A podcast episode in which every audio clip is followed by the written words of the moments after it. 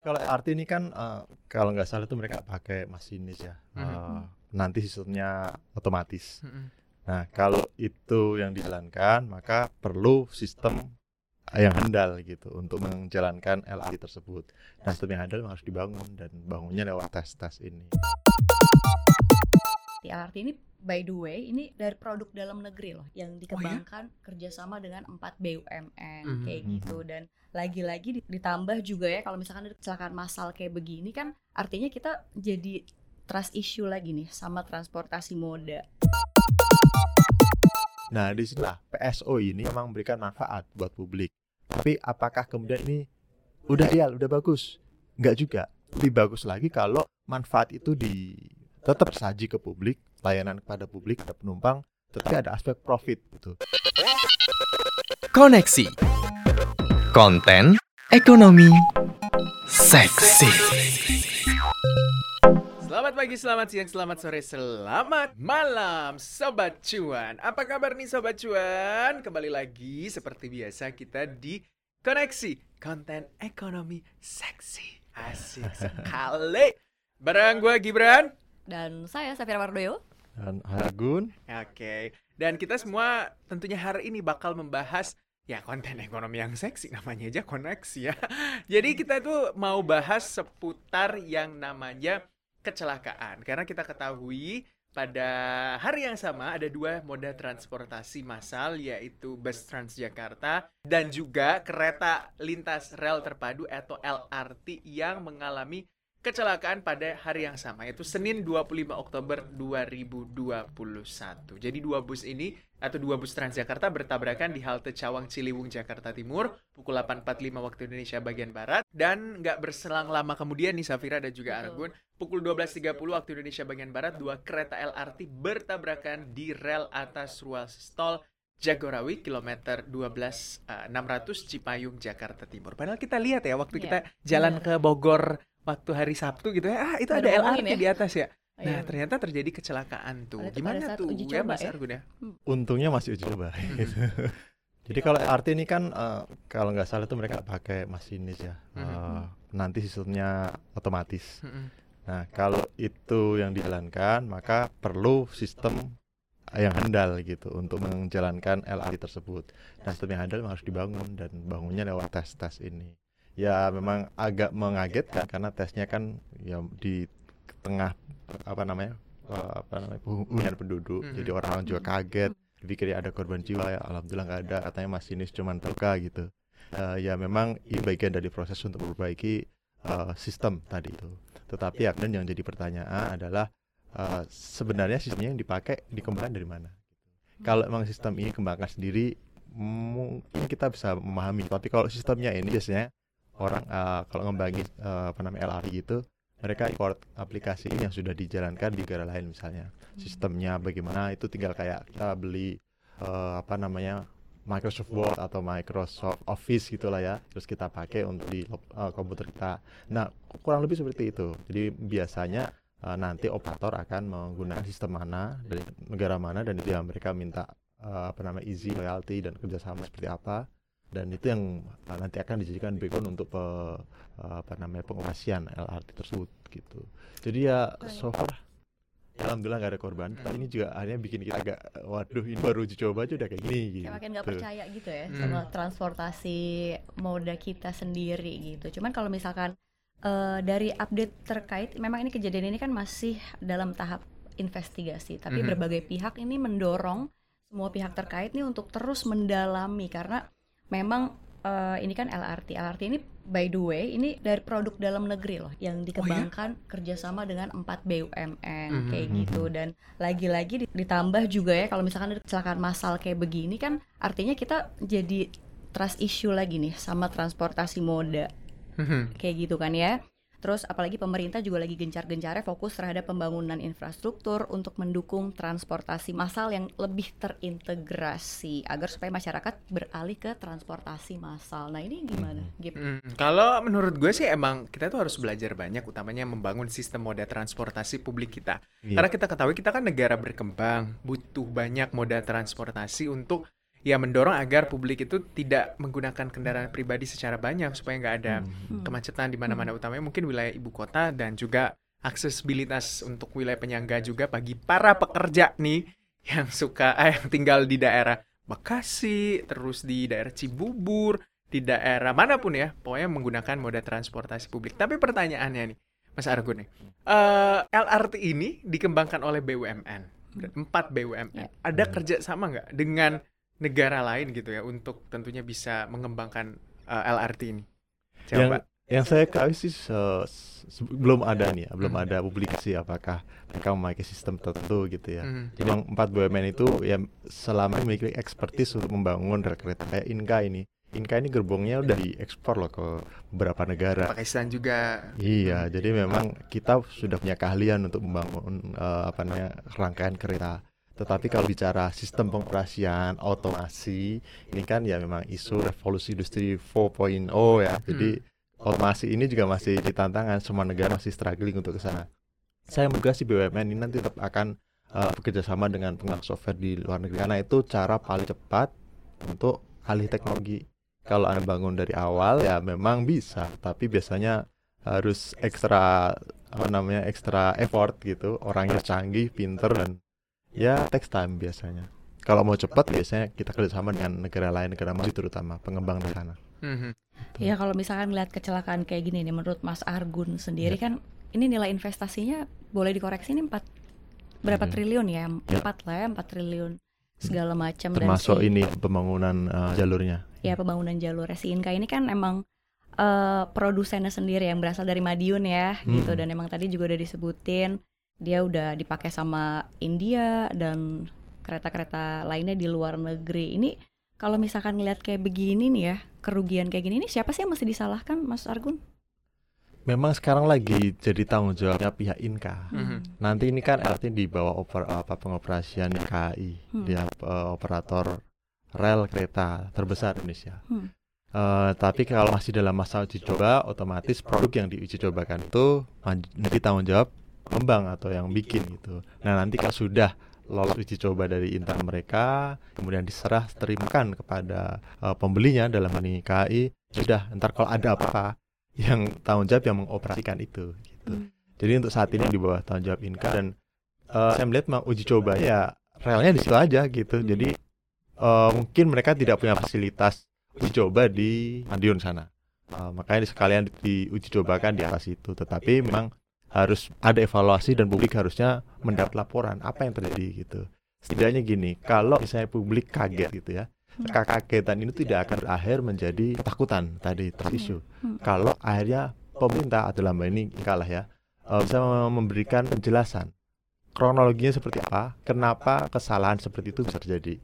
Apakah misalnya oh ada persinyalan yang error atau wiring misalnya itu bisa membuat publik akhirnya tahu oh ini adalah eh, kecelakaan karena sebuah eh, apa namanya kesalahan teknis yang sebenarnya bisa cegah gitu dan eh, pengembang sudah meng- me- mengerti prosedur yang untuk mencegah itu dan mungkin akan dilakukan eh, ke depannya sehingga tidak terulang kembali itu sih sebenarnya yang dibutuhkan publik saya pikir saat ini jadi kalau kita bicara transportasi publik Hmm. safety itu memang yang pertama gitu safety baru kemudian harga. Jadi kalau orang sudah melihat "Ah, saya kayaknya mau pakai apa namanya eh, fasilitas moda transportasi commuting tiap hari Hmm. itu itu berarti kan orang tersebut memiliki tingkat kepercayaan tinggi terhadap eh, fasilitas tersebut. Kalau enggak ya mending saya naik mobil, naik kayak ojek dan Betul. sebagainya itu. Tapi kalau eh, commuting itu bisa diandalkan, ya orang akan rely on that.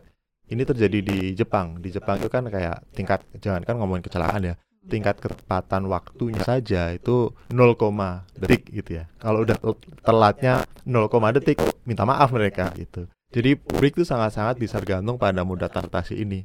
Mau berangkat ke kantor jam segi, eh, jam 8 misalnya, oh berarti saya harus jalan jam berapa kan dan udah tahu dia jadwal-jadwal keretanya. Ya reliability ini sih yang harusnya eh, mulai didorong kalau pemerintah ingin eh, masyarakat beralih di masyarakat yang berbasis itu moda transportasi pribadi ke transportasi massal. Gitu. Mhm. Nah, kalau kita belajar bercermin misalnya dari KRL atau mungkin juga kereta api yang selama ini juga dioperasikan oleh KAI kan nantinya tadi juga Mas Argun bilang LRT ini akan dibawa KAI. Kalau misalnya sudah mulai beroperasi Hmm. gitu kan saat ini masih berada di tanggung jawab Inka.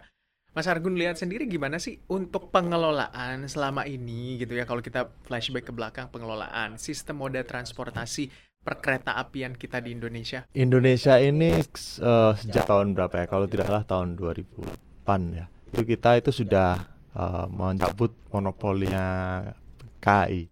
Jadi dulu itu kalau mau ngembangin kereta itu yang boleh hanya KAI. Kalau perusahaan lain swasta mau bikin uh, apa namanya jaringan kereta baru atau bahkan mengoperasikan ya uh, uh, rute kereta tertentu itu bisa. Nah sejak ada undang-undang itu namanya pencabutan monopoli pengelolaan kereta ya sekarang uh, KAI memang ditemenin beberapa pemain, tetapi pemain utamanya tetap uh, bermain ini karena kan dia sudah memiliki keunggulan alamiah gitu ya. Dia udah punya jalannya ya beratnya rel itu harus dibangun di mana ke mana gitu asetnya besar. Jadi kalau orang mau bangun biasanya uh, rel tersebut adalah rel yang sifatnya terbatas. Kalau kita tahu kan PTBA PTBA itu juga bikin uh, jaringan kereta sendiri untuk menghubungkan antara pelabuhan dengan uh, situs penambangan dia jadi lebih efektif kalau diangkut pakai kereta nah itu PTBA bangun tetapi tetap saja KAI dilibatkan gitu dikerja sama tapi kalau pengoperasian kalau nggak salah itu jadi kemudian dioperasikan oleh uh, eh, PTBA atau kita Sam. Hal-hal itu sekarang udah dimungkinkan.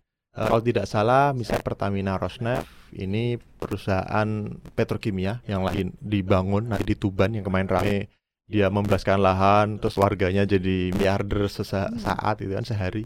Ya itu juga berencana mengembangkan kereta. Apakah bisa? Dengan ketentuan sekarang bisa.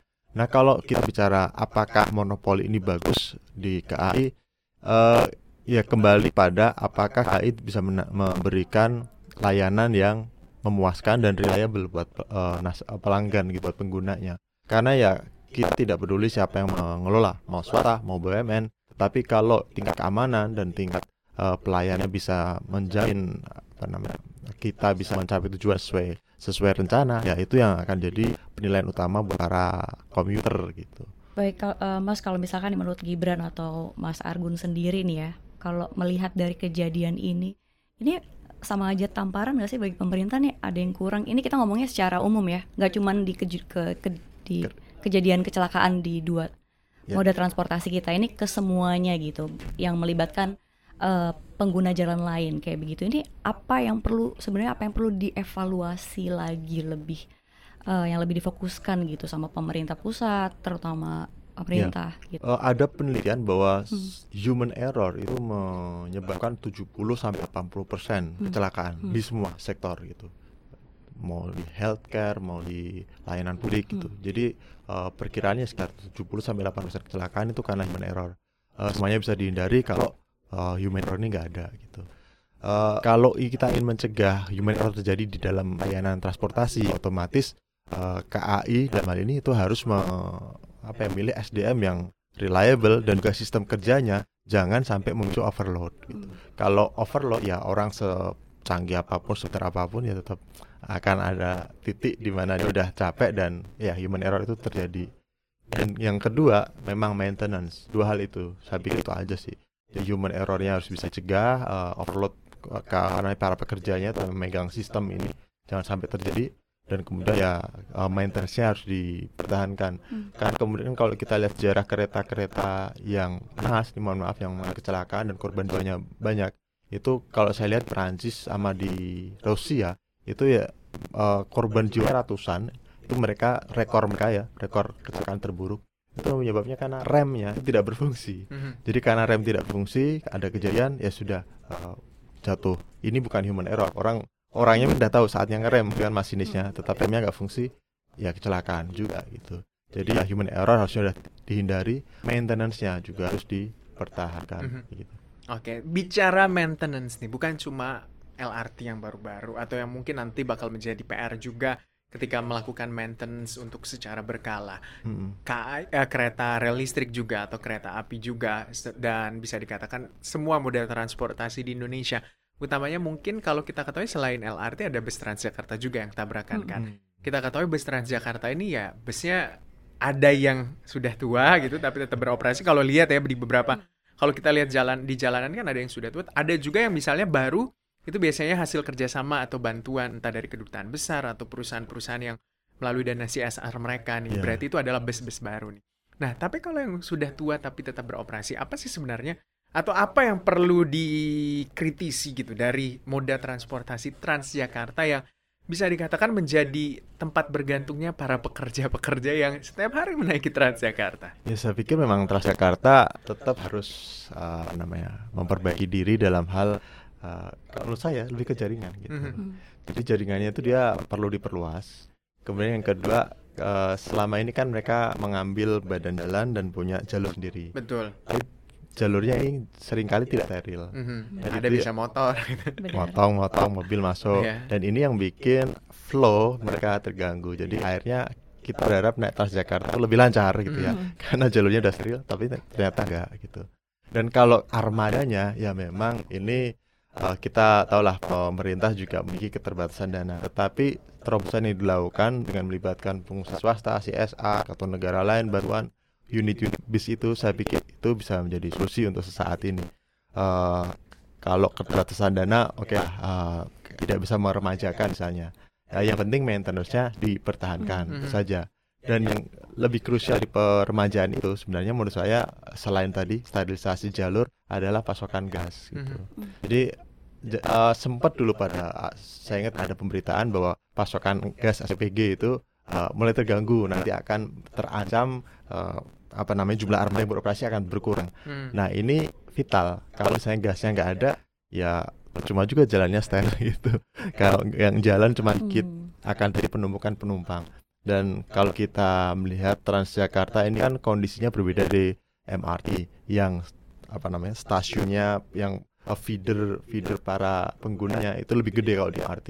Kalau di Jakarta kan sempit gitu ya. Jadi kalau ada penumpukan dikit aja itu antrinya panjang dan orang udah pasti males gitu. Hmm. Ya saya pikir lebih ke situ sih. Kalau remajaan ya itu problem semua perusahaan angkutan dan itu kalau pemerintah eh, provinsi DKI saya pikir udah bisa mengatasi dengan oke lah at- eh, solusinya dengan kerjasama swasta CSR mereka tarik ke sini ya itu agak solutif itu tapi yang pasti eh, harus fokus ke pasokan energinya dan sterilisasi jalur saya pikir Iya benar tadi kita balik lagi nih ke soal kecelakaan Transjakarta itu memang diindikasikan bahwa ketidakadaannya petugas on board itu menjadi salah satu penyebab kelalaian peng- pengemudi. Jadi memang itu menjadi salah satu penyebab. Nah ini apakah gara-gara pandemi COVID semua pegawai dikurangin gitu? Ini benar nggak sih on board tuh kayak connect gitu ya kalau di bus-bus biasa ya?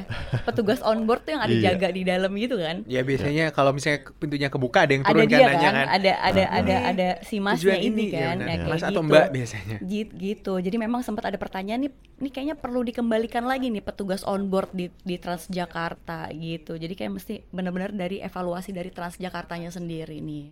ya saya menduga memang itu Kayak Hmm. kalau kita bicara untung. Kayaknya kok belum untung gitu Iya. setahu saya Hmm. eh, belum mereka belum bukan untungan makanya efisiensi dijalankan dan imbasnya ya petugas on board itu Hmm. dikurangi atau mungkin bahkan dihilangkan. Tetapi kalau di Indonesia ini kan kita memang masyarakat yang oke kita digital savvy-nya udah udah mulai meningkat ya. Tetapi kalau soal layanan publik tetap kita perlu orang yang bisa kita tuju gitu. Misalnya saya ke stasiun eh, bisa misalkan sudah sudah otomatis pun masuknya pakai apa namanya eh, kartu misalnya. Tetapi ada momen di mana saya juga kebingungan. Kartunya ternyata nggak fungsi misalnya. Ke mana saya mengadu? Tetap perlu ada tugas on board di titik-titik tertentu. Jumlahnya memang jadi nggak banyak karena pasti tingkat eh, aduan atau pertanyaan dari para pengguna lebih sedikit kalau misalnya sudah eh, eh, digital gitu. Tetapi tetap harus ada yang standby. Saya Mhm. pikir di tiap armada harusnya juga demikian Uh, pandemi mungkin memaksa Hmm. tadi uh, pengelola Jakarta mengurangi uh, petugas on board. Tapi harusnya kalau si ini nanti dikembalikan lagi kalau sudah new normal udah berjalan. Mhm. gitu. Tapi kan kadang tuh biasanya misalnya pengelola transportasi publik, misalnya kayak uh, Transjakarta, terus misalnya KAI, itu kan, itu kan tetap melakukan fungsinya juga PSO, biasa kan Mas Argun kan. Mm-mm. Jadi di satu sisi mereka biasanya biasanya sih mengatakan bahwa ya kami kami memang tidak memburu profit gitu kan, nggak memburu profit secara terang-terangan gitu karena memang ada fungsi PSO di dalamnya.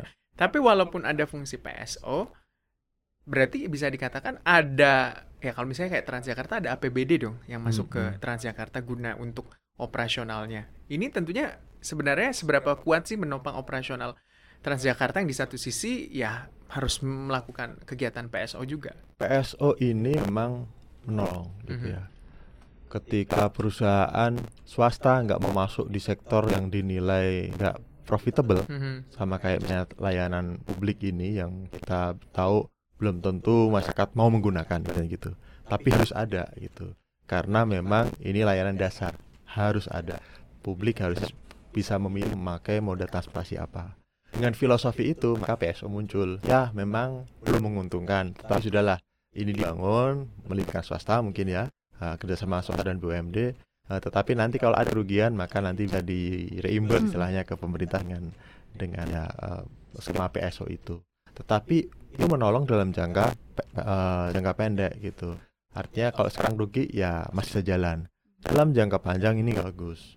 Karena di mana-mana kalau kita belajar nih, siapa sih yang paling bagus pengembang negara mana ya? Yang paling bagus pengembangan moda transportasi untuk publik transportasi penumpang ya Jepang. Hmm. Jepang dulu itu mereka berdarah juga ketika pertama uh, rely on uh, kereta gitu. Itu mereka udah mulai ke sana tahun 40-an. Kita be- belum deka mereka sudah mikirin untuk bangun transportasi berbasis uh, kereta. Berdarah juga. Dan untuk mengatasi itu apa? Akhirnya uh, monopoli dicabut. Jadi semua swasta boleh masuk gitu. Jadi pemerintah menunjukkan bahwa memang sekarang rute yang dibangun mungkin peminatnya belum ada. Tapi kalau Anda bisa menyajikan layanan yang reliable tadi itu, ya orang akan bergantung pada layanan Anda dan kemudian muncul konsep TOD setelah itu, Transit Area Development. Di sekitar stasiun dibangun apartemen, dibangun mall. Jadi orang kadang orang Jepang nih, Hmm. kadang kalau ke stasiun Hmm. nggak naik kereta. Dia masuk stasiun bayar peron gitu ya, Hmm. tapi buat makan siang, habis itu keluar lagi. Kenapa? Di sana mallnya udah di dalam stasiun Hmm. kereta itu. Jadi kantor-kantor kitanya pun kalau orang-orang mau makan, dia mau makan mana? Ke stasiun gitu. Nggak enak ya? Jadi itu juga ngasih masukan buat perusahaan tersebut, swasta tersebut. Nah, di sinilah PSO ini memang memberikan manfaat buat publik. Tapi apakah kemudian ini udah ideal, udah bagus? Enggak juga. Lebih bagus lagi kalau manfaat itu di tetap saji ke publik, layanan kepada publik, ada penumpang, tetapi ada aspek profit gitu. Kalau profit maka otomatis swasta akan berminat masuk dan ketika swasta masuk maka ekspansi pengembangan jaringan akan lebih cepat gitu. Jadi rute-rute yang sekarang belum tergarap di Jakarta dan sekitarnya Jabodetabek itu ada bisa digarap lebih cepat kalau swasta berlomba-lomba masuk kan mereka tahu ini menguntungkan gitu dan ya ini yang sedang tidak terjadi ya sayangnya gitu jadi memang PSO itu membantu publik tetapi untuk membantu menciptakan eh, moda transportasi massa yang reliable di masa mendatang Hmm. secara berkelanjutan itu belum gitu. Hmm. kita harusnya seperti Jepang yang kemudian memutuskan untuk ya mempersilahkan swasta untuk masuk ke lini ini. Ya kita sudah mulai kan tadi kayu sudah dicabut, tetapi ya lambat juga gitu. Tapi kalau ya tapi ini ya eh, Gibran sama Spira kalau kita bicara kecelakaan kereta ini memang ya alhamdulillah ya sejak tahun 2019 belum ada lagi gitu. Jadi insiden kemarin saya mungkin lebih tepat menyebutnya insiden karena ini masih dicoba gitu. Jadi memang kalau kita ngetes itu kan kadang ada yang error-error gitu ya ya masih bisa dimaklumi. Tetapi kan ini menyangkut moda transportasi publik ke depan Iya, mau beroperasinya 2022 nih. 2022 Bentar lagi nih. ya harus reliable, harus ada penjelasan salahnya di mana dan penanganan seperti apa agar tidak terjadi lagi. Kita terakhir tuh ada kecelakaan tahun 2019 itu KRL. Dan itu pun karena tertimpa tiang listrik bukan KRL-nya yang eh, rusak atau masinisnya yang lagi capek atau bagaimana. Tapi karena emang ya mohon maaf naas aja gitu. Tiang listrik ambruk kena. Itu 2019. Ya hanya korban luka saja. Kalau tewas sebelumnya itu tahun 2014. Jadi ya ya kalau kita lihat rentangnya memang intensitas kecelakaan eh, kereta di Indonesia dalam dua tahun terakhir ini ya nggak terlalu intens. Hmm. Eh Alhamdulillah. tapi kayak Mas Argo nih coba ya kalau misalkan lagi tahap uji coba ini ada juga nggak sih di negara-negara lain yang baru tahap uji coba terus ada insiden juga gitu. Kalau di negara maju pasti mereka ada istilahnya safety test. Mhm. Jadi bahkan sengaja ditabrakin nih. Jadi biar kalau menguji kekuatan. Kekuatan. kekuatan dan Nah, bagaimana standar kalau naik gimana gitu, kejadian kecelakaan ya bagian mana yang harus di di apa dipertebal gitu Hmm. ya misalnya kelakanya dan sebagainya tapi bagusnya di negara maju itu kan uji cobanya ada di ini fasilitas mereka. Ya. Hmm. Jadi nggak kelihatan publik. Mhm. Jar jeder pun orang nggak tahu gitu. Oke. Tapi ini lagi dicoba, udah di relnya karena diasumsikan sudah alah salah ya. Tapi ternyata ada insiden. Iya. Ya jadinya rame. Sebelahnya gitu. kan perumahan, sebelahnya lagi tol. Jadi orang lalu lalang ngelihat, wow. Itu apalagi tabrakan yang besar kan suaranya juga pasti besar. Dan apalagi ada medsos. Iya. Udah ke mana-mana. Uji coba itu kan kalau bisa nggak ada korban ya. Ini kan walaupun masinis lu- luka-luka. Dan kalau bisa nggak Iya. nggak kelihatan juga ke publik Iya, sebenarnya kan. Iya, iya. Mhm. Harusnya emang itu. Kalau ya lebih le- paling sering jadi itu ya safety, safety terutama untuk mobil ya. Kalau mobil ya gampang lah ditabrakin dan beran robot di dalam nggak ada manusianya. Iya. Mhm. Nah mungkin ini masinis ya, ya gimana? Tetap ada yang harus dioperasiin di dalam kali ya. Itu yang kejadian. Mhm. Mas Argun, kalau kita lihat kan dengan Hmm. adanya kecelakaan di moda transportasi, utamanya mungkin Transjakarta yang sudah lama beroperasi, sudah melayani publik juga masyarakat ibu kota dan mungkin masyarakat yang bekerja Hmm. di ibu kota juga dari luar Jakarta tentunya. Apa sih yang perlu dievaluasi sebenarnya Mas Argun? Ya pastinya memang eh, sistem pengoperasian mereka sekarang ini kan sudah established ya. Eh, yang perlu dioperasi memang pada teknis di lapangannya. Oke, mungkin tadi sempat eh, saya singgung kalau di Transjakarta itu ya sterilisasi itu penting gitu. Kemudian untuk men- me- menjamin kualitas layanan Transjakarta agar orang ya tergantung ke situ karena lebih cepat naik Transjakarta dibandingkan mobil ibaratnya gitu, mobil pribadi. Eh, kemudian yang kedua ya eh, keslayanan keselamatan memang akhirnya human error itu jangan sampai terjadi maintenance eh, dipertahankan. Eh, saya pikir itu aja sih dan yang pasti ya kalau kita bicara masa depan jangka panjang ya harusnya kita bicara pengembangan jaringan ini harusnya lebih luas. Jadi eh, orang itu akan tergantung pada moda transport- transportasi perkotaan metro gitu ya. Kalau memang jaringannya itu eh, lengkap. Ibaratnya kayak di Jepang, kenapa mereka itu sangat bisa dibilang terobsesi ya bangun jaringan kereta. Karena itu diperlukan. Orang kereta ini kan nggak bisa pindah jalur gitu ya. Jalurnya itu aja lempeng gitu. Nah itu harus ada di kota-kota yang eh, dinilai padat penduduk dan tingkat commutingnya tinggi. Makanya mereka kayak berambisi bangun itu. Kalau dulu pernah ada istilah, kalau misalnya rel kereta Jepang itu dijajarin ke bumi, itu bisa melintasi bumi tuh dua kali gitu. Kalau relnya dijajarin, saking banyaknya rel yang dibangun. Ya apa ambisi? Kenapa ambisi itu muncul? Karena memang filosofi commuting itu adalah moda transportasi itu itu bisa menjangkau semua titik. Di Jakarta belum gitu. Di Transjakarta cuman ya di tengah kota, eh, Jabodetabek belum semuanya gitu ya. Sementara commuting itu kan nggak cuma di Jakarta doang, nggak di, di dalam kota, tetapi dari Bogor, Depok dan sebagainya. Mungkin karena itulah ya kelemahan itu coba ditutupi dengan LRT. Tetapi ya menurut saya semestinya ekspansi jaringan itu juga dijalankan oleh eh, eh, Transjakarta juga gitu. Jadi Hmm. kalau kita mau naik ya mau dari Bogor sampai Jakarta udah satu moda aja atau paling kalau keluar stasiun ya kayak di eh, stasiun apa namanya yang sekarang ini banyak dipakai di ya komuter line di Jakarta ini kan juga orang nggak peduli keluar masuk stasiun nggak apa-apa. Yang penting bisa sampai tujuan nggak pindah-pindah kan tuh kenyamanannya di situ. Nah Transjakarta sepertinya perlu perlu dibenahi ke sana gitu. Gitu ya. Oke, Gibran eh, sama Mas Argun ya pokoknya intinya memang atas kejadian ini perlu jadi eh, apa ya?